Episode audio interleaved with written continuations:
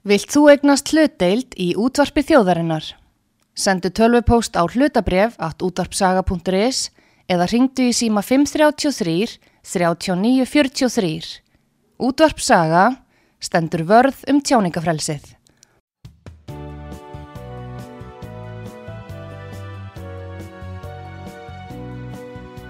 Sýteðis útvarpið á útvarpisögu í umsjón Arnþróðar Karlsdóttur.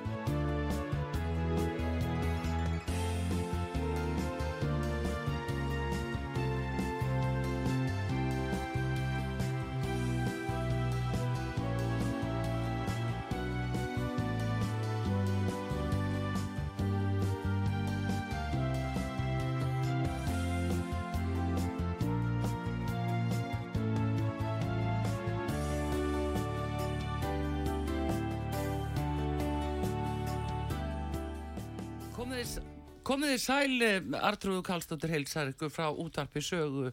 Við erum hér, uh, mín Pétur Gullaugsson og uh, við ætlum að, til að byrja með að fjalla um lambeirarmálið, svo kalla. En það eru þrjár sýstur sem eru frá lambeirum og það er hafa sendt frá sér podcast eða videoupptökur, fjóra þætti sem hafa byrst á YouTube undir nafnunu Lömpin þagna ekki. Og mynda lampinu líka. Og mynda lampinu líka. Já. Og uh, við ætlum að tala við hana Ásu skúladóttur sem er einn þessara sistra og hún býr í Flórens á Ítali og við ætlum að heyri inn í þaðan. En uh, þetta mál uh, er hefur furðulegasta og ekki kannski hvað síst vegna þess að uh, inn í þetta blandast uh, Eh, barnamálar á þeirra landsins ásmundur Einar Daðarsson hann hefur sendt frá sér tilkynning og segir að hann ætli ekki að eh, svara þessu neitt frekar. Hann eh, hafi stíðið út úr þessari deilu og ætli ekki að svara frekar eða ræða þetta frekar. En þetta mál er að fara stig mestnandi eftir því sem að frektir herma.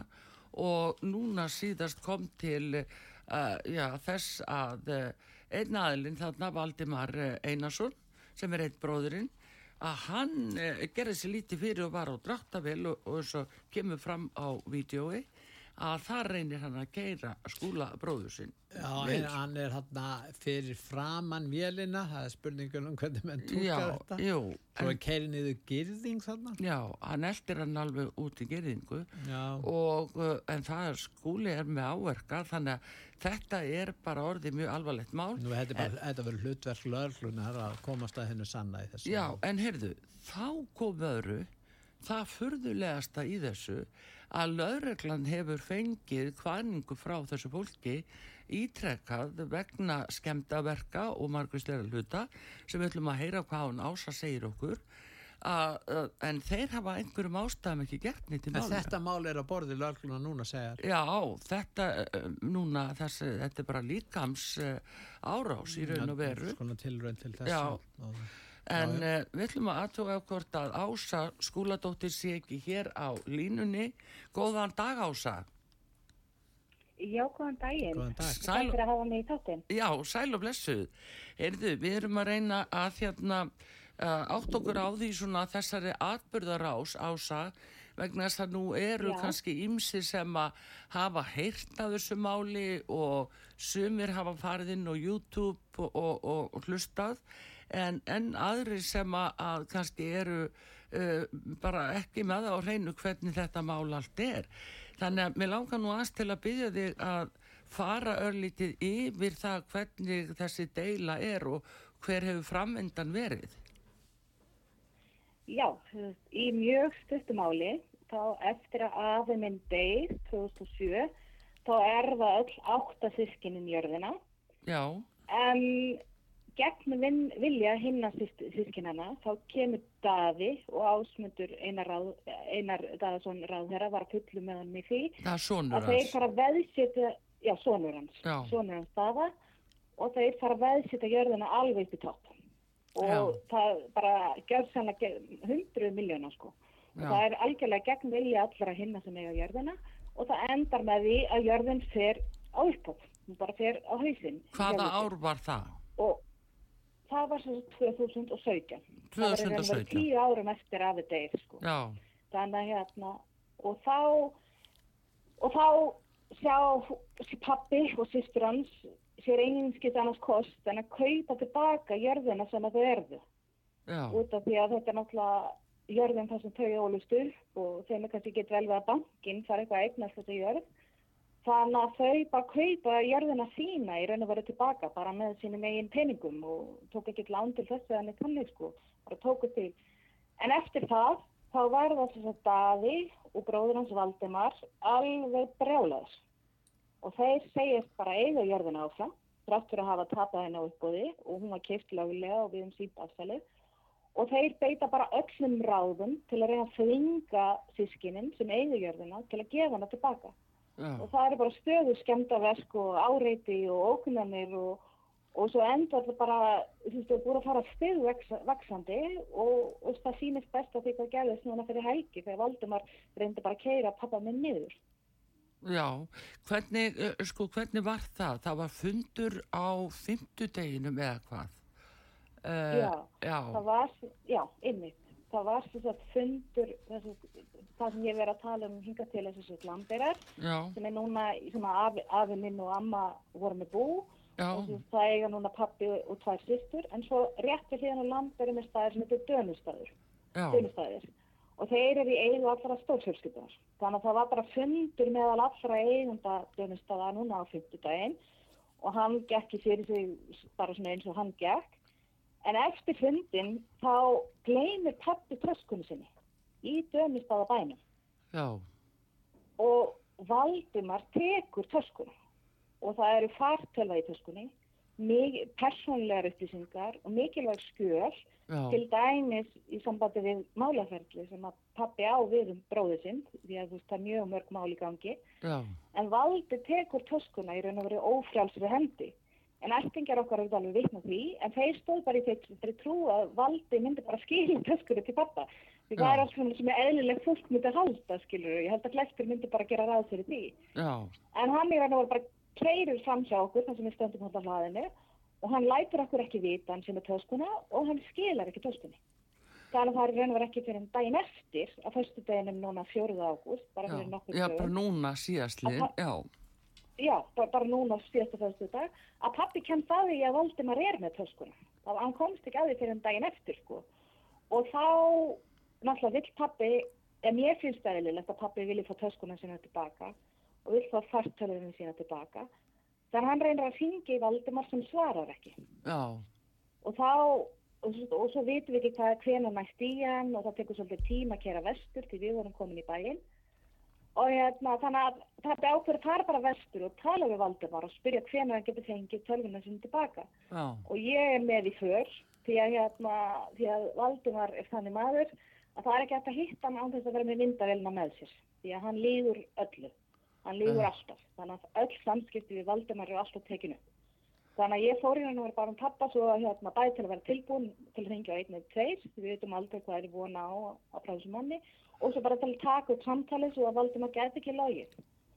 Og hérna, svo bara vill svo eh, kannski óhefilega til að akkurat þegar við erum að fara vestur þá sjáum við að þeir eru að fara að byrja heiskap ja. á þess að hérna, bæ sem heitir Skóskot og er í eigu tengdafólundana hans ásmutar og við vitum í raun og vera ekki hvað þessi heiskapu tekur langan tíma og við, við, við höfum alveg fullan skilning af því að þeir kannski er ekki tilbúin að skjóta út í sólheima akkurat núna að sækja töskuna. Þá mm. pappi var alveg tilbúin að keira hann bara því að það fljóðsleira bíl heldur hann að drætta vel. Já. en við viljum bara fá að vita skilur við hvort við getum fekið töskunum kvöldið eða hvort við þurfum að koma aftur daginn eftir eða hvernig það er. Og þetta var svolítið viðkvæmt upp á tíma því ég ætti mitt flug sko daginn eftir til Ítalju þannig ég gæti ekki verið fyrir vestan skilur við yfir nóttina, það var eiginlega ekki búið Þannig ég, það var í raun og ég sem vildi líka svolítið bara þá að vita hvort við getum fengið töskuna í dag, kannski eftir að þau væri búin að heia, eða þann daginn eða hvort við þurfum að býja þannig daginn eftir og þá þurfti pappi bara að koma aftur því að ég þurfti að komast í þetta flug því ég býja á Ítalið. Nefnum það að þá reyna, reyna að veifa niður áður en hann fer inn á túnið á skóskoti og, hérna, og, og, og margt með bara að tala við hann og spurja fyrir, fyrir um töskuna því ég held að sé ekki að það tólk þetta með einhvern annan hátt en þetta sé þjófnöður hann tekur töskuna og frálsri hendi og lætur okkur ekki eins og við vita að því hann sé með töskuna. Mm -hmm. Og pappi reynir bara að veifa niður á þjóðvinum og þá bara keirir Valdimar á hann. Já, eins og kemur og fram keirir, á myndbandi. Já, og þá keirir hann bara, já, kemur fram á myndbandinu og þá bara keirir hann áfram og bara á pappa. Og pappi minn er 67 ára gammal hann er, hann haldrar hann haldrar að staðaldri því hann er með slitna hásun sem hann hefur ekki farið í aðgerð fyrir. Já. og ég stend alltaf bara frosin með myndavélina og ég veit ekki hvað ég get gert. Og, og það sem ég finnst svolítið svakalegt í þessu Valdimar sér mig hann veit ég er að taka þetta upp en hann keirir samt á pappa hann er svo rosalega óforskammaður hann bara keirir á hann Og svo hérna kemst pappi á, á undan, sko, hann gæti ekki fara auðvitað til hliðar því þá getur hann bara lengt undir drættavælidekkjum sem ég held að enginn vilji. Þá kemst hann alveg þarna unna aðeins til hann túnni og næra halla hliðinu aftur, bara til að reyna að stoppa Valdimar. Já. Og hérna hann pappi stendur þá fyrir aftan hliðið og bara halla hliðinu og þá tekið ég myndavelina meður því ég held, í einfælsum minni held ég að þá væri þetta mál bara búið. En eftir smá higg þá keiri Valdimann bara ákveður það að hann get ekki látið stöðva sig, ég veit ekki alveg hvað fór í gegnum hausinu honum, mm. en hann bara neytar að stöðva og fer eftir á stað og keirir yfir hliðið þó að pappi standi fyrir eftir hann oh. og pappi og hliðið skellur svona pappa þannig að hann fær þessa marbletti sem við höfum sínt og hann réttnaði að koma sér undan en ég má ekki til að hugsa ef hann hefði hla, ef hann hefði hraðast eða ekki tekist þá hefði hann bara legt undir hliðinu og svo dræftafélinu ofan af hlið. Þetta er bara, það var svakalegt að horfa upp á þetta. Og ég sé að ég hef heilt mjög margar, mjög slæmar sögur af hann um Valdimar Einarsson í töðubróðum mínum. En upplifa þetta sjálf og sjá hann í ham það er bara eitthvað sem er ekki auðvöld að lýsa. En eh, hérna uh, þegar þetta gerðist eh, fór hann svo, hann er hvers konar dráttafél er þetta sem hann var á? Þetta verðist vera stórt faratæki Já, þetta er að drættavel sem ég notið í heiskap sko og svo fyrir aftan var hann með tækið til, til að garda. Ég veit ekki hvað hlustundur hérna, tekja mikið til heiskapar. Já, ekki múavið. Já, þetta er múavið. Já, það, það, það var hérna, hérna, það var búið að slá en svo þarf að koma grasið í svona garda þannig að úlubindi vilin getur svo tekið það upp. Já. Og svo hann var að þessu og svo keirir hann bara yfir hliðir og bara út á tún og byrjar eitthvað í heifinu anþess að neitt stótt að við okkur okkur neitt tala eftir. Svo eftir honum kemur daði bara, daði er að gera ekki neitt rangt í þessu máli og maður sér hann dæsa, hann er greinlega kannski ekki rosalega hrifin á þessum aðbyrjum hjá hann bróðu sinum, svo þetta er pappas ásendar hann bara færi hliði frá, frá svo hann fyrir ekki að kerja við það líka og svo kerja hann bara líka út á tún. Mjög fyrðulegt allt saman. En í, og eftir það hann alltaf hring, já. Já, en í kjálfar þessa, hvar, hvar var lauruglan? Hvað gerði þið? Sko við náttúrulega, við náttúrulega vorum í svolítið sjokkir, við segjum svo er sko, og vorum svona, eins og ég segi, kannski svolítið adrenalínu að fulla eitthvað því að ég átti aldrei vona þessu sko. Ég vissi að Valdimar yfir með eitthvað kjáft og eitthvað svóleðis og var kannski ekki tilbúin. Ég var ekkert þessum að fengið töskunan tilbaka eða þannig, það er alveg eitthvað sem ég ætti vona á, en ég ætti ekki vona að myndi bara keira á pappa minn. Þannig að eftir þetta voru bara í svolítið sjokki að við fórum út í bíl og við bara ringdum á laurugluna, mm. eða ringdum á 112 svo að þessi hafa þetta rétt mm -hmm. og þá voru okkur gefið samband til fjarskiptamöðstuðu lauruglunar og þá sagði þeir að þeir myndi ekki koma sem ég get alveg skilið það sem að hættan var liðin hjá og það var í raun og verið ekkert að gera nákvæmlega þessari stundu og þetta er förstu dag fyrir Vestlunamannahelgi þannig að það vil kannski hafa verið eitthvað sína lauruglun einhvern skilning Já, ég ætlum samt að stoppa en, þig. Uh, sko afbrott og líkansmeðingar þær spyr ég fara ekki inn á dagatali fyrst sko það er náttúrulega, já, þetta er útkall og, og þetta er vett, þetta er brotavettókur Já, og ég er í raun og voru alveg sammála því sko, auðvitað hefur maður vilja frá laurugluna þarna, en kannski gegnum okkar ár þá kannski hér væntingar okkar til lauruglunar rosalega litlar, ég held að það sé alveg óhætt að segja það, væntingar okkar til lauruglunar séu bara nánast engar, en þá beður pappi allavega um aðstöð til að reyna þá fartölfunum sín og töskunum tilbaka, því náttúrulega eftir að maðurinn er búin að keira á hann þá metum við það svo að það sé ekki óhægt að nálgast hann til að spyrjast fyrir um töskuna. Þannig að við byggjum um það að lögreglan getur allavega hjálpa okkur að nálgast töskuna því pappi þarf að fá fartalöfið sinn tilbaka. Og mér finnst það bara ekki óeðlileg krafa. Og við erum með vittni sem sína það að Valdimar tók töskuna þannig að það er alveg á hreinu. Já. en þá segir, þá segir hann bara að hann muni koma þessu til skila til lauruglunar en hann í sjálf sér lofa reyngu og Lörgla. við höfum ekki, eftir því sem ég best veit hefur við ekki heilt og svo sendir sérst, eftir að pappi kemur heim þá er það fyrir svolítið í sjokkjum kvöldu en svo daginn eftir sendir hann sjálfupóst að laurugluna en eftir því sem ég best veit hefur hann ekki heilt neitt frá henni í varðan þetta mál.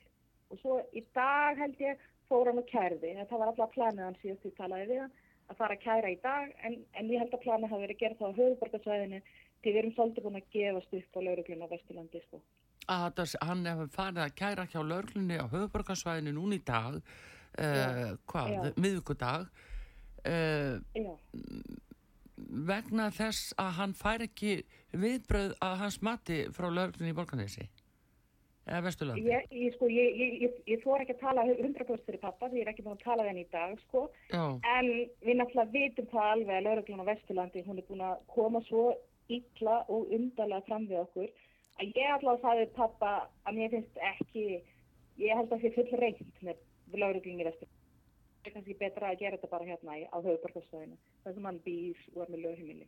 En telur þú að ráþæran hafi áhrif á störf lauruglunar í þessu máli? Það er sko, það er mín trú. Það er mín trú að þessi málað við ráþæra hafi áhrif á það sem lauruglunar er bregðast við En þegar veðsetningin á... Já, fyrir ekki að... Fyrir því hef ég ekki beinar sannanir, en þetta er bara svo rosalega skrítið og við vitum, við vitum alveg lögreglega veitum þessu tengsl. Og, og ásmundur hefur mjög sterk ítúk á Vesturlandi og hann har marga vini innan lögreglunar þannig að maður hlýtur að spyrja sig annarkort er lögreglan að hafa þessu svona út af áhrifum vegna á þeirra eða þá að lögreglan er virkilega vanhæf. Og hugsanlega bæði. Þú greindir frá ólöglegri veðsetningu. Var það mál kært? Óleg, það var engin ólögleg. Ég, nei, það var í raun og veru ekki kært út af því það var ekki ólöglegt nei. per se, heldur var það gegn vilja sískinina. Út af því að rétt á verðin afi deyr, þá skrifir hann undir tryggingabref og gefir það að fæst að taka lán út á jörðina, mm. en hugmyndin var að skilur hvert lán fyrir sig er það samtitt að afa en er bara misnotar þetta bref og notar það ekki með óleglegum hætti en með hætti sem að afi þá ekki fyrir og það var engin annar sem vildi að nota þetta með þessum hætti og þannig tók staði að veðsita jörðuna alveg upp í topp. En það per se held ég ekki að vera óleglegt, þá má beilum hvort það hafi verið þauðferðislega rétt en, en það var ekki beint óleglegt og það náttúrulega bara endaði þannig að jörðun fóra á, á upptóð. En nú hefur uh, Ásmundur Einar sagt í sinni e, yfirlýsingu að hann hafi stíið út úr þessum átökum fyrir löngu síðan eins og norðara, maður veit ekki alveg hvað það er mikill árafjöldi sem hann er með í huga. En e, þið segið á ykkar upptökum að hann hafi verið staðin af lauruglunni af innbroti á árunni 2017.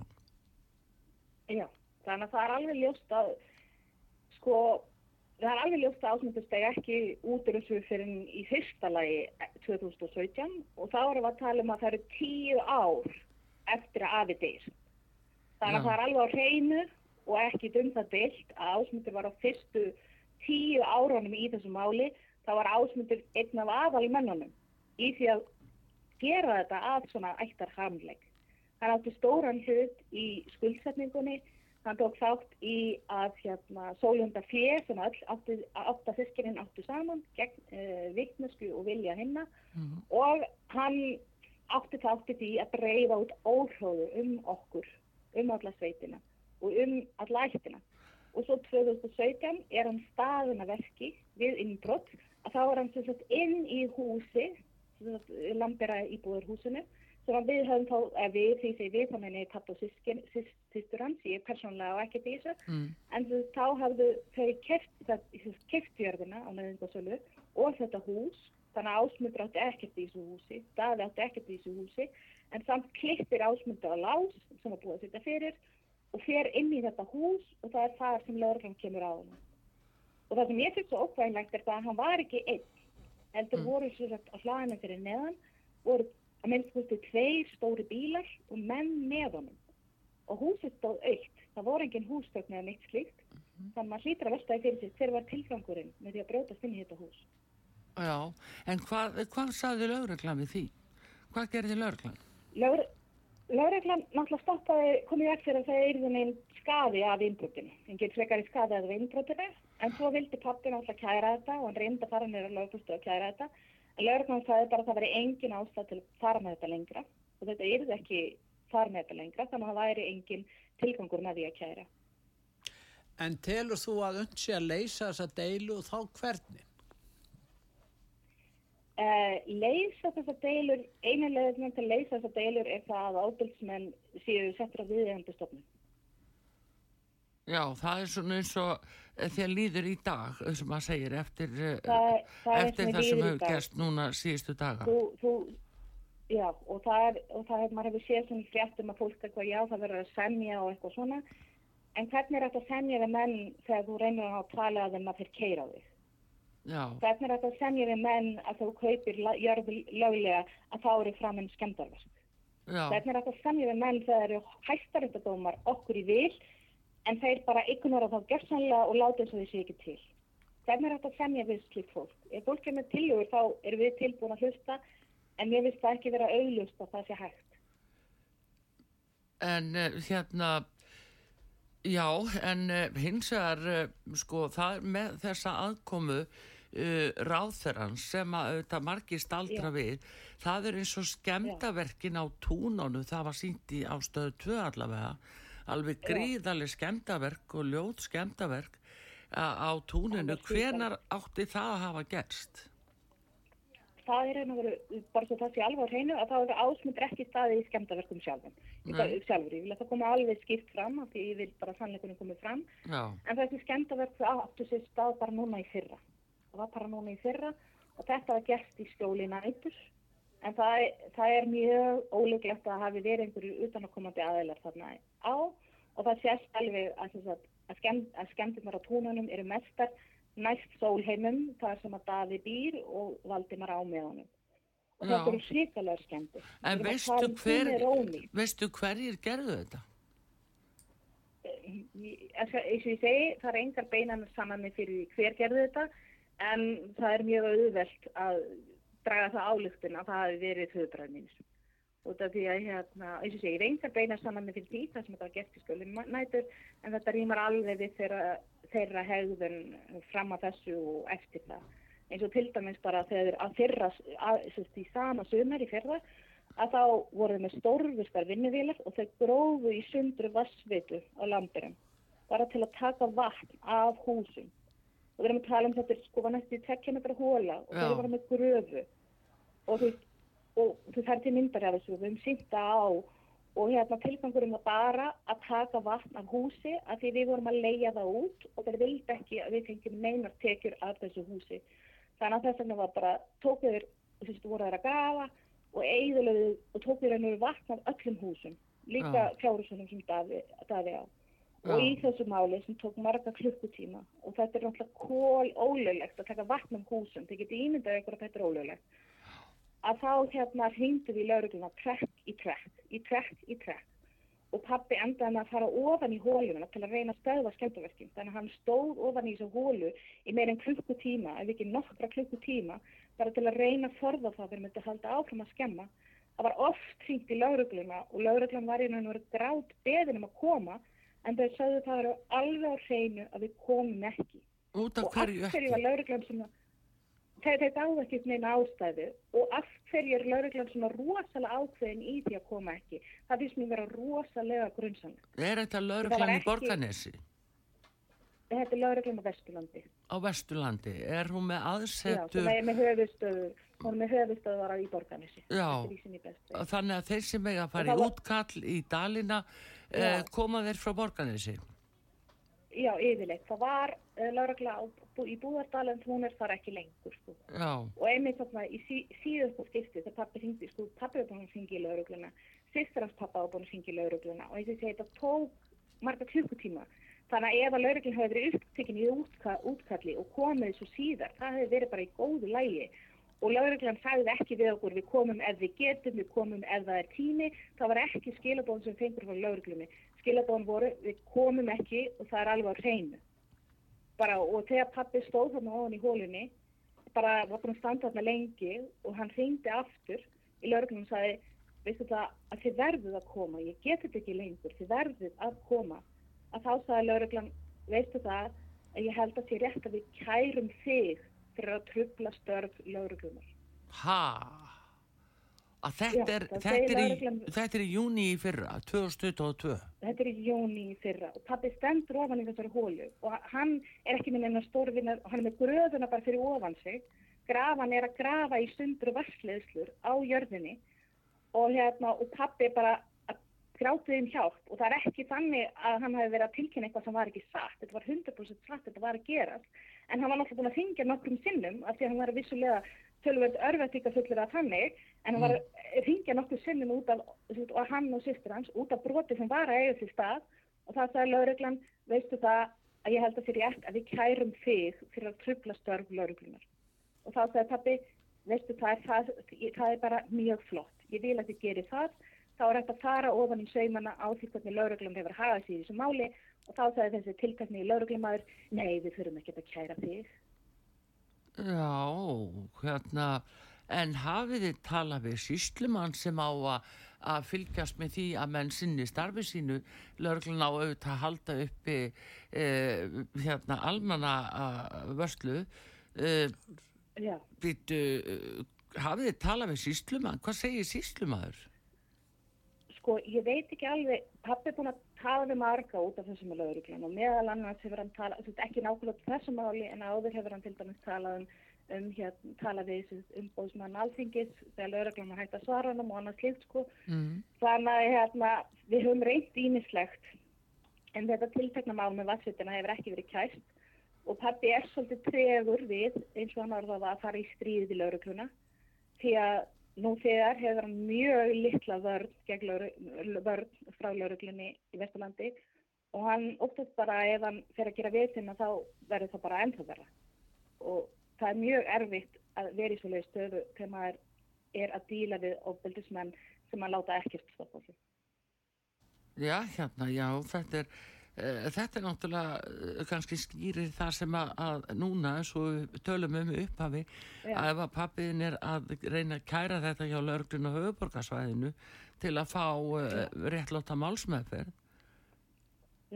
En, en hérna eh, hvað með er hann fóran til lagnis ef hann fengi áverkavottor sem sýnir uh, meðsl Já, hann fór svo þetta á sunnudaginn fór hann til lagnis og hún, ég held að það hefði verið kvennkynnsleiknir, ég þarf ekki alveg að lofa, ég var ekki með honum, en svo læknirinn, hann sagði að hérna, hann gæti ekki látið hann fá ávarkaðavotturði beint, en heldur að lauruglega geti sótt ávarkavatturði til lækninsins. Svo það ætti að vera ok. Já, já, já, upp á það þeir takki við kærunu, skiluru, en þetta já. er auðvitað eitthvað sem að bæði dómsmálar á þeirra, þetta á að fara beintinn á borð hjá dómsmálar á þeirra, algjörlega og þetta náttúrulega síslumansins á Vesturlandi. Já, þetta er bara þetta er, þetta er bara mjög erfitt ástand og þetta er eiginlega einn stæsta ástæð fyrir því að hérna, við fórum út í þetta hlaðvart að við viljum, við viljum fara eftir lögum og við viljum ekki, alls ekki svara í sömu mynd. Við viljum, mér finnst fáralegt við viljum ekki fara að skemma einhverja eigu sem daði og það er út í hött, það bara kemur ekki til greina og þannig að við viljum fara löglegu leiðina, fara domstóluleiðina, nota kerfið, en þegar mm. lögreglan hættir að mæta á staðin, hvað eigum við eftir? Nefnum bara að láta ábyldið yfir okkur ganga. Það var ekkert í stöðunni fannst okkur sístrunum og við erum búin að horfa upp á þetta svo rosalega lengi að það var engin lausn. Það er ekkert að semja við þessa menn. Lögreglan kemur ekki á staðin. Þeir, þeir halda bara áfram að skemma sama hvað og núna keira á fólk þess vegna Þannig að í raun og veru það eina sem við áttum eftir að prófa er bara að segja sannleikan. Bara að fara út með þetta allt saman og vona það allavega að setja eitthvað þrýsting á laurugluna að sinna síni starfi almennilega. Já þetta er spurning að ná líka tölvin á töskunni af, af honum og þá er líka reynir á hvort þeir farið fram á húsleitar heimild eh, já, til þess að nálgast þessi, þessi já. Já, já hérna. Við vitum ekki þannig að akkurat núna veit ég ekki hvort að lögreglun hefur talað við eða hvað og okkur gruna að lauröglinn hefði talað við hann því, Daði, því hérna, Valdimar sendið eitthvað svona post þar sem hann sagði ætla að skila lauröglinn, skila töskunni til lauröglunnar í borganessi mm. en við hefum ekki heilt neitt og taskan er ennþá ekki búin að skila sér eftir því sem við bestið, allavega hann og það ekki gæðið, ég er ekki búin að tala um pappa í dag. Nei, en hvernig þeirra þið stýðir fram með þetta, hvernig svona viðbröð hafið þið fengið bara frá eða öllum úr fjölskyldunni og, og þá frá ráþurannum sjálfum og, og síðan frá fólki Já. almennt? Sko, stórfjölskyldan hún hefur þagað. Það er enginn enginn haft neinn neinn nein samskipt við okkur og við vissum það alveg að stórfjölskyldan myndi ekki hlusta á þetta af því það er búið að fara með þá sögu að það megi alls ekki hlusta okkur að það sé að ljóta sem hægt er að gera. Eina kommentið sem að ég fengið var frá húnum Böður Bjarki Pétursinni hérna, eiganda kvikmyndaskólans og hann sagði ég geti nú bara haldið áfram að gera sjálfa með að fýbli með þessu podcasti. En það er eina, eina, eina, eina sem ég fengið frá stórfjölskyldinni en viðbröðum frá almenningi hafa bara verið ótrúlega bara því líka stuðningur og því lit að fólk sé tilbúið að hlusta, við veitum þetta er langt, þetta er flókið mál og að fólk er tilbúið að hlusta og trú okkur og setja sér inn í málið og skilja um þetta snýst og svo bara sérstöldum einhver fer, fer með einhverja viklusi komandakerfin að það er bara ókunnett fólk að verja okkur næst aðröndum og það er bara maður klöknar sko. Þetta er ótrúlega. Já, Já, já, nefnum þetta er, já, þetta er ansi ótrúlegt, það er alveg rétt að, að það fá að ganga svona lengi og sé búið að vera í öll þessi ár. En vissulega að þá náttúrulega ráþurann hann auðvitað er þingmaður þarna á þessum árum, hann er orðin þingmaður 2012, skiluru, já. og fyrr. Já. Þannig að, að þetta er, menn hafa ákveðin styrk við það. Já, og það er einmitt alveg ljóst að þegar þeir fara út með sína liðasögur, út um sveitina og út um stórættina, þá náttúrulega gefur það orðum hans trúverðuleika að hann sé á þingi, að hann sé þessi virti maður innan samfélagsins, að það gefur þessari herrferð, þessari ófrænga herrferð gegn okkur, það gefur henni auðvitað trúverðuleika, bara út af því að hann hefur þetta ennbætti. Já, já, já að það er, það er akkurat málið. Heyrðu, en uh, ása, við erum allavega búin að fá svona uh, já, upplýsingar eins og málið núna og, uh, og við náttúrulega bara bendum fólki á að fylgjast með ykkur á YouTube þar sem að þeir koma með fjó, fjögur podcast, ef ég veit rétt, já. og verða, verða mörg fleiri eða? Sko, við erum búin að taka upp þrjáþætti viðbót og svo er planin að taka upp fleiri núna í haust. Sýstum mín að stefna að koma bara til mín hérna í Ítali í september Já. og þá vonustu til að geta te tekið upp fleiri. Því þetta mál er bara allt og stórt og það hefði alltaf verið búin að stoppa þetta fyrir löngu síðan.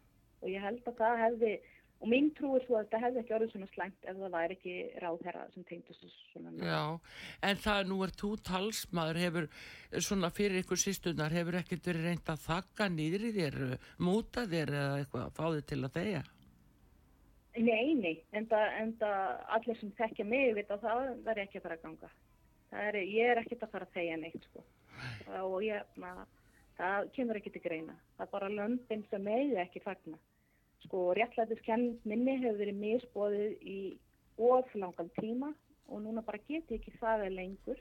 Ég verð að þó að segja sannleikan Já, heyrðu, þetta er þú ert sannlega komið með fyrsta áfangan í því hér á útvarpisögu ása Ég vil bara þakka þið kærlega fyrir að hérna, deila þessu með okkur og hlustendum og uh, vonum að þetta gangi vel og við viljum benda auðvitað hlustendum á að uh, nánari upplýsingar af þessum frásögnum er að finna á YouTube uh, undir uh, yfirskriftinni Lömpin þakna ekki og Ása skóladóttir í Flórens bestu þakki. Já, þakka ég fyrir Ása. Já, takk fyrir kjalla. Já, bless. takk, bless. Já, það er nú, akkurat þetta er aldrei magna mál Já. og uh, það, þarna er dónsmálar á þeirra sem verður að, að grýpa inn í þetta og fá einhvern botn í þetta mál. Þetta er ráð þeirra löggan og lögin.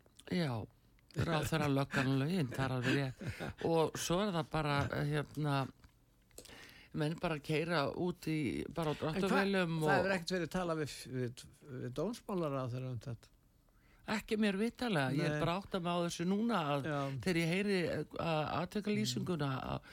og hver staðin eru þetta núna að maðurinn telur sér ekki fært að kæra þarna á brotavettfangi mm. heldur fer hérna til örglun og höfuborgarsvæðinu En ásætlar að halda þessu málu áfram Já, ég ætla að gera það Þannig að þetta heldur áfram í vettur Já. og í höst og í vettur Ég heldur ættum bara að fá jafnvel eitt lag hérna og, og uh, það er uh, aðeins uh, úr sveitinni það er hann Bjössi Kvennagull.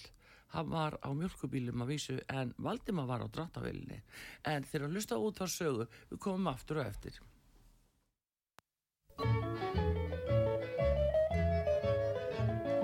Hver ekkur eins og ljón með aðra höndastýri Bjössa mjölkur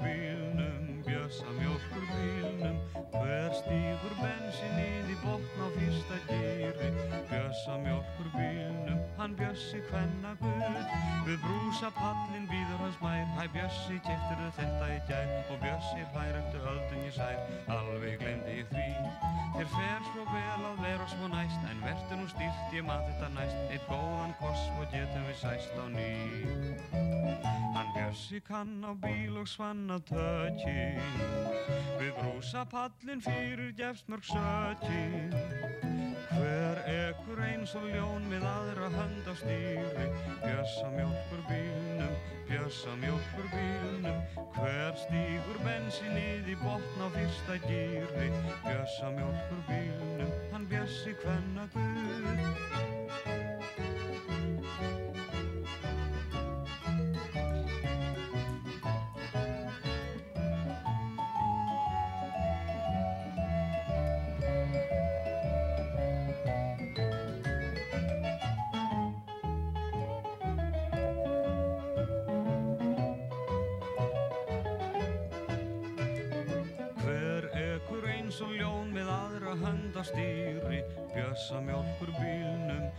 bjössa mjölkur bílnum Hver stígur bensinnið í botn á fyrsta gýri Bjössa mjölkur bílnum, hann bjössi hvenna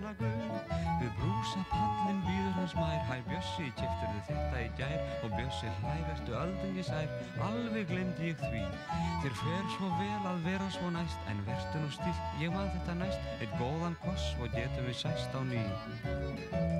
Hann Bjössi kann á bíl og svanna tökkin Við brúsa pallin fyrir gefsmörg sökkin Hver ekkur eins og ljón með aðra hönd á stýri Lalalalala, tralalalala Hver stýgur bensinnið í botn á fyrsta gýri Tralalalala, hann bjössi hvenna Guð Lalalalalala, hann bjössi hvenna, hvenna, hvenna Guð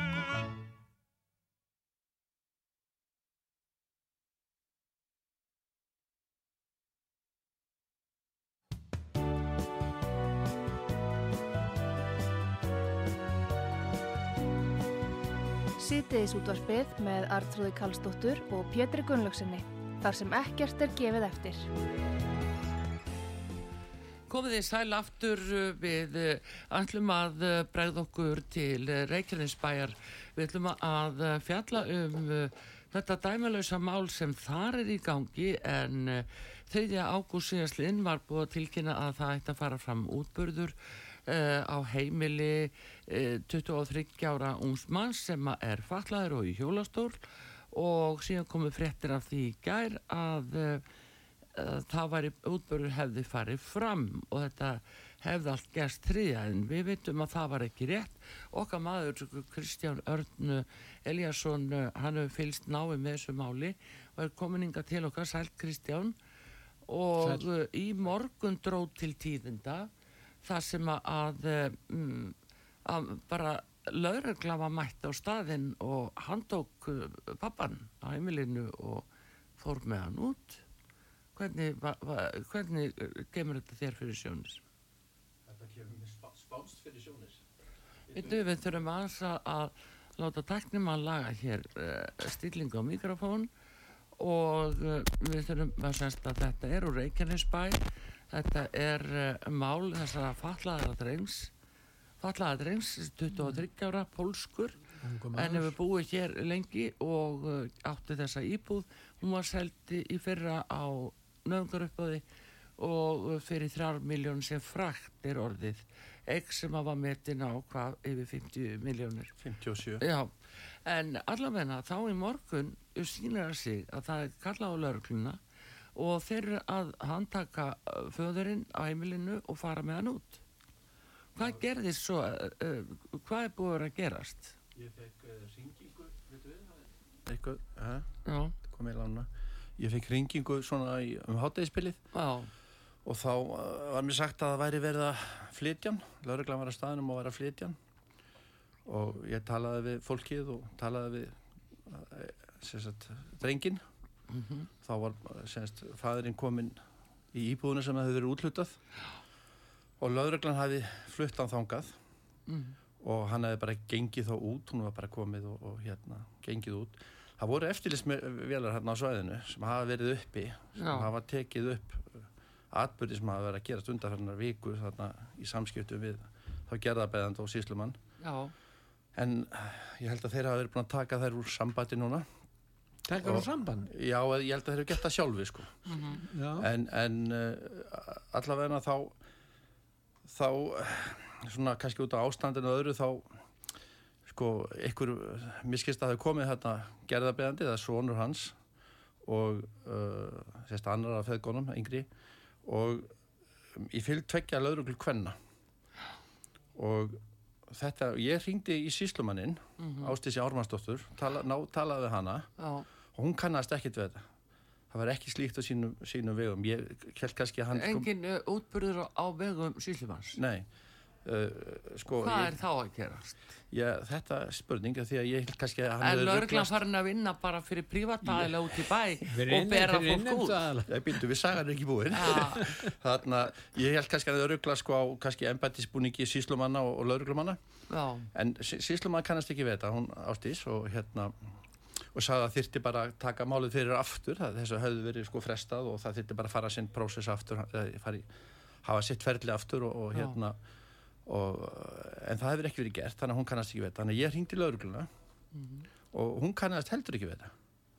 Ekki lauruglan heldur. Nei, hún kannast heldur ekki við að hafa komið þetta. Þannig að, að það kannast ekki við þetta nema að það, hann, það kom uh, gerðabeðandi Já, ég fyllt tvekja kvenna sem að voru í búningi og fyllt honum út.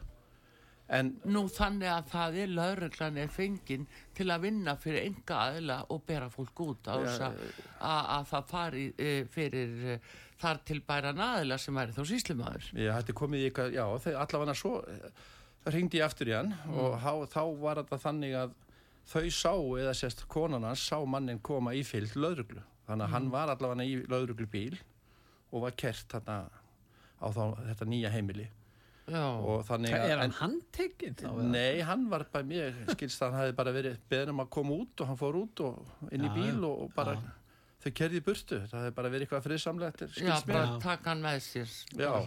En þetta er ekki, sko, síslum að þarf náttúrulega að vera með ef þetta er útburður, þá geta ekki gert þetta án síslumans, Mhm. Nei. hann veit ekki það þessu Lögreglan kannast ekki við þetta sjálf Það er það er það er spurning hvort þetta séu bara leikarar ég, ég veit það ekki ég, Nei, já, maður veit svo sem ekki hvað er að gerast en, en allavega þetta er skríti mál og eins líka sömulegis að þá þarf síslumadur að, að hann þarf að taka þetta til, eh, til sín vegna þess að það þarf þá að gefa út nýja uh, hérna uh, útbeðni Já, útbyrðabeini á, gerðinu var frestað á fimmtudeginum, Já. sem 3. ágúst.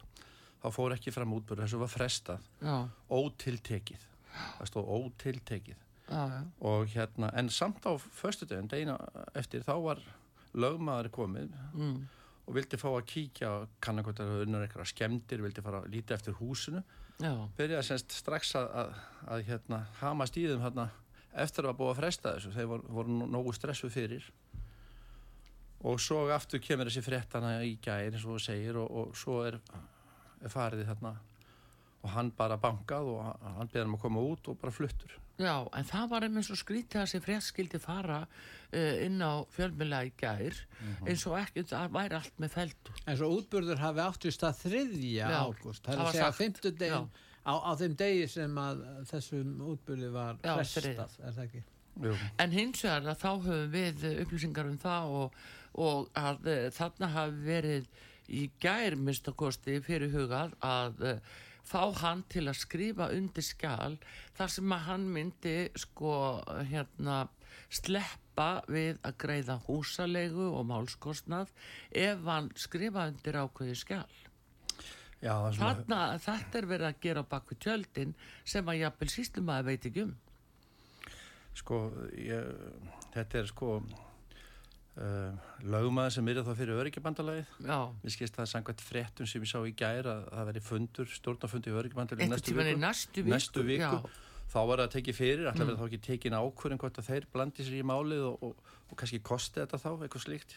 Get ímyndið með það. mm, Þannig raun og veru er ekki komin eitt lögmaður, það er bara þessi stúlka sem er aðstofa já, og hérna og en það var svona komin í nýja eigandi væri réttur eigandi. Hann skrifaði undir það að hann væri réttur eigandi og samþýtti það. Já, og síðan var svona eh, vísaði í lögin það sem var að ben- benda á það að það sem er nú ár síðan að uh, Salam fór fram að september í fyrra. já, 70 september í fyrra þá sé sérst núna tæft ár í, í húsalegu. Já, þannig að húsalegan er sennilega ég vil harri heldur en húsið var kift á. Já. Þannig að þá, Það millir þrjár fjóra miljónir, já. Já, gæti alveg Hann verið. geti sko. borgað fyrir það líka. Nei, hann, húsalegu. Nei, ef hann ætti pening sem hann á hann engan pening og hérna honum er gera Nei, ef hann, hann, hann borgaði húsaleguna, Já. þá færi húsalegin í það að kaupa húsnæði. já, já, hann, hann hérna það er bara búið þetta fólk er bara, Hann borgar fyrir það sjálfur að láta kaupa e- e- e- aðleguna sína. Svifta hann aðlegunni. það búið að sjöfta hann alveg og hérna ég, og hann það- verður í engri aðstöðu eignast neitt í framtíðinu. nei, nei, nei þetta Það er búið að hérna- taka alveg framtíðina frá þessum manni. þetta er allt mjög skrítið og ég sko ég talaði nú við Friðun Einarsson formann bæjarás í gær Já. sem er nú starfandi bæjarstjóri og frangvæntastjóri bæjarins Já. En hvað er hann- samt bæjarstjóri? ég veit það ekki hann, en hann, hann uh, sagðist ekki vera tilbúin að koma í viðtal þetta er annars skiptið sem við býðum með viðtal núna hérna hjá okkur en hann svona finnur okkur finnur okkur að leita þess að afsaka það segist ekki vera tilbúin en hann sagði samt í þættunni hjá okkur um daginn að hann, hann vil væri til að koma hvernig sem er Já, já. og taka símtöl og svara fyrir þetta. Þannig að ég skora bara á hann ef hann hlusta á okkur að koma í þátt og, og svara fyrir það sem er að gerast þarna. Já, já. og ég held að sko, ef maður tala um það að ykkur starf, ég held að hann sé ekki engungu hjá síslumann, ég held að þurfa að skoða þetta mál alls saman, líka hvað er að gerast í bænum Já, en það er líka annað í þessu sem að, að fer ekkert á milli mála að þarna er sko greinilega að það fer fram þessi lauruglu aðgerð án vitunda síslumanns. Það er eitthvað sem er verðt að staldra við, algjörlega og uh, þá samkvæmt einhverju samkomulagi við uh, já, gerðabeðenda sem að uh, það hefur ekki verið undir þetta í sangóla Nei, Það en það er- þá við laurugluna. Nei, það er Akkur bara, fyrir laurugluna að vinna bara fyrir ég er hann? að veltaði fyrir mig hvort að gerða beðandi hafi eh, sínt lauruglunni plaggið frá síslumann þetta uppalega sem var svo dreigið tilbaka eða, og þessu að fara í þetta út af því plaggi sem er búið að draga tilbaka þannig að kannski er uh, gerðabend og laurugluna komin út fyrir eitthvað ramma sko. En þetta mál afhjúpar að staða skuldara á Íslandi er mjög báborinn og þarna alveg augljós, þarna er maður að fatlaða mann, eh, talar ekki íslensku, meina hann Jú, skuldar eitthvað, þarna, hann skuldar þarna, þetta er einhverjir uh, brota brota af hildaregninni og lögveð ekki lögveð, þetta, er örgasta leið til að fá kröfu greita það þarf ekki eins og einn ég meina, ef einhver er einnimt á lögveð þá er hann að tryggja sér málskostnaðin bara vegna þess að það fylgir lögveðsköfunni þannig að, að, að þetta er alveg hreint 100% tryggt. Já, já, svo, svo, svo hérna, ég tók smá svona viðtal við hans, ég vildi svona býða, býða með því að maður er svona svolítið að kannski, hvað maður að segja, svona standa með hann með því að maður kannski held að menn myndi sjá af sér og, og svona, já, bila afhendunum húsnaðið aftur eða, eða gera eitthvað, það er mér skist að hafa verið eitthvað söfnun, menn sér tilbúin í að safna og borga, sko, eitthvað upp af fyrir húsið aftur, en sko, bara er ekki að svona, hvað maður að segja, fæ- fæla, fæla gerða beðanda, sko, í eitthvað aðgerir, En hann sagði mér, já til á teipi, að hérna að hann hefði reynd að semja skuldin var 2,5 miljón cirka mm -hmm. og þau hefðu borgað, búist þess að borga rúma miljón pluss mm -hmm. og vilja semja um afgangin það hefði ekki komið til greina Af hálfu bæjarins? Nei, af hálfu og hann sagði það, beðlega segja það hér núna mm. að þetta er löghemtan oh. hann reynda að semja við löghemtina og eins og ég hef sagt áður að þessi lögmaður sem er sér um útburinn, hann er tengist löghemtinni -hmm og það var löghamtan sem var með þessa kröfur sem var útvista frá bænum. Já, já. þannig að það er samband hann á milli og svo kom bara einn og upp og það bauð þrjár miljónir og eins og við rættum hérna já, áður þá er þetta er þriðja uppbóðið uppbóð sem var upp á cirka 10 og ykkur sem var upp á rúma 22 miljónir þau voru dreyin tilbaka en núna er þetta, er þetta sett En er hægt að sína fram á að þeir vildu, vildu semjum að greiða miljón og semjum restina, það er lögveð fyrir þessu, þannig að þetta er fullkonna tryggt. Þau bauðu það. Er, leggur það alveg fyrir? Já, já, hann segir segi það eigandinn á húsnaðan, þeir vildi ekki semja, hann átti bara að borga fulla greiðslu. Já, já, hérna, já, þetta er miklu, þetta er að versta sem ég hef heilt í þessu máli. Þetta er nú svona alvarlega mál, heldur en kannski. Þetta er komið út í tóm.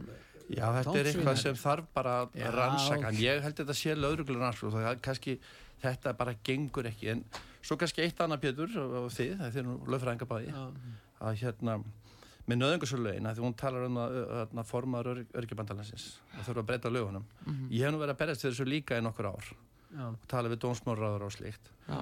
og að því að það kemur fram að lögum að þeirra minni skoða málið og fara að fanna einhvern til skadamál eða ógildingamál. Þetta er þessi 13. kapli í nöðungarsölulagana sem er eitthvað sem gerist í sölunni og svo eftir sölu og ógildingin og þannig að, að Já, að ég, sko þar hefur bara fjóra, fjara vegna frest Naumur tími Fjara vegna frest já, og þannig að ég held að sé ekki takt ágild Nei. Nei það er allavegna það er ekki nema menni séu staðnir að svíksamlegu aðtæk En hugsaði reglum það er svona naumur tími til þess að takast á við svona hluti geta verið flóknir. Já, já. Já, þetta er uh, alveg dæma laust og hérna Uh, en þetta með sáttartilluguna að vilja greiða þarna miljón uh, og hérna og greiða resti af, afgangin á okkurnu tíma og það var ekki Nei, vilja til þess að ganga það líka líku fyrir að, að hann er sko verulega hérna haldin ákunnum afmörgum til þess að geta annars því mál sjálfur. Þá er það líka spurningum velferðarsvið eh, Reykjanesbæjar, hvar var það fólk allt saman sem að hafði fulla vittnesku um ásikomulag hans og þessara fjölskyldu. Er þetta ekki gott verkefni fyrir félagsráðgjafa þannig á stafnum? Hefði það nú verið sagt, er í rættum. Þannig að það verðast vera bregðast þarna aðilar Já. sem að hefðu átt að standa uh, vaktina og, og hlúa að hann. Nú er sagt hans í komið semst í hérna félagslegt húsnaði á vegum bæjarins. Þú komið þanga Kristján að um. Hvernig er þetta félagslega íbúð sem hann fær? Ég meina þú hefur lýst í að hann þarf að ganga þarna upp. Þetta er ekki liftuhús, er það ekki? Þetta er ekki liftuhús, já og líka mynd, myndbata því þegar sem hann er að ganga upp sko. Þetta eru, er á annara hæð Já. en þetta er ákveðtis húsnaði og ég menna þetta er lítil þryggjaherbyggi íbúð, það er sérst tvö setnherbyggi en það eru þröskuldar þetta, það er náttúrulega hjólustól það þarf að fjalla þá vantalega og, og hérna þetta er ekkit svona Já, já, ég... En kemst hann upp og niður stegan? Já, já, en hann á öruglega eftir að detta að það marg gott. Hann dætt hann í stíðanum þegar þú fórst með hann? Já, já, hann dætt þegar hann var komið niður, þá var hann bara örmæknað aðstæðan. Já. og er fjölskylda með honum í þessa lípu? Já, já, en þau eru svona sagt, á bá, báðum stöðum hann, hann og fadur hans hafa verið í húsinu en meðan hinn hafa verið í, á nýjastafnu kannski En, en þarf hann ekki á aðstóð fjölskyldunar að halda? Ég menna hún hefur verið að hjálpa honum því að hann er Það er all fjölskylda sem þarf aðstóð þannig að, að, að sko, þau eru ekki svona í bíl sko, svo núna veit hann aðeins að hann ekki, kemst ekki eins og sko, hefndi sín fyrir hann að sko þessi uh, kona sem er að hjálpa honum sko er búin að vinna og getur kert það sko. Já. já, já, já þannig er þetta, þetta er nú að gerast núna. En hins vegar að þá erum við þetta minnimann á 2011 og 2000, já, 2011 og 2012 þegar við vorum að fara hérna eh, undir merkjum skjaldborgarinnar og, og uh, íbúðalánarsjóðu var að reynsa íbúður af fólki og bankarnir. Já, já. Bara reynsa fólki ja. og það veit enginn jafnvel hvað varðum þær íbúður það er enn líka verið að leita upplýsingar sambandi við það. Mm. það var ekki til hvað síst í Reykjanesbæ líka, við erum með eitt svona mál sem að, sem að var einmitt selt á þrjármiljónir slegið fyrir hönd íbúðalansjós Það er alveg ljóst að það var að breyta lögunum um nögursulegunum það er sko, það bara leið og allting ekki kemur saman hvað, 9. september. Já. þá þarf að fara í það strax því að annars kemur bara hólskjörlega svona málum yfir okkur. Já, Já það þarf allavega að gera það fyrir það núna að uh, nöðungursala get ekki farið fram eins og ástandið núna. Það fara að selja eitthvað sem eru kannski að markasverði 50-100 miljónir og það er fara á 3 miljónir Það kemur aldrei fyrir í Danmörk Það verður að stoppa þetta því þetta er rán sem er í uppsyklingu ef að fólk gerir ekki neitt. Kannski er bara eitthvað svolítið í gangi að það það, verður að skoða þetta mál. Já, ég er að samanlæðir Kristján, ég, það þarf að fara algjörlun í kjölun á þessu máli. Hver var tilurð þessara sölu? Ákvörð, þessi ákvörðun var tekin upp á 3 miljóni þarna og uh, En vissu félagsmála yfirvöld í Keflavík eða í Reykjanesbæ ekkert um þetta mál, Jú, hvað heldur þú Kristján? Búin að vita þetta í mörg ár, þetta er þriðja uppbóði veist, þetta eru þrjú ferli í hverju uppbóði Hvað var félagsmála Reykjanesbæ? Þau hafa enga afsökun þess að við, maður getur giskað á þetta en það verður bara að skoða þetta. Það, mér finnst bara allir vera svona já, er að reyna að verja eitthvað lélega málsta Já, já, við bara höldum áfram að fylgjast með þessu og þú Kristján búin að fylgjast feiki vel með þessu. Og við sjáum hver framvindan verður í þessu og reyndar ýmsum öðrum málum sem verður sambærleg við ætlum að reyna að skoða þau líka að reyna til þess að átt okkur á því hvað þannig erum að vera ásandi að við ætlum að reyna að fá að vita hverju voru gæðingarnir sem fengu íbúðuna frá íbúðalánarsjóði Já, spenna, spenna, spennandi. verkefni já, já, þetta er ótarpi sögu og uh, við uh, þökkum hlustendu kjallaða fyrir þessa mínutunnar sem við höfum verið með ykkur Artrúð Kallstóttir, Pétur Gullarsson og svo Kristján Örn Eliasson sem að teku við núna í dagskráni en við þökkum kjallaða fyrir og verið þið sæl. Verið þið sæl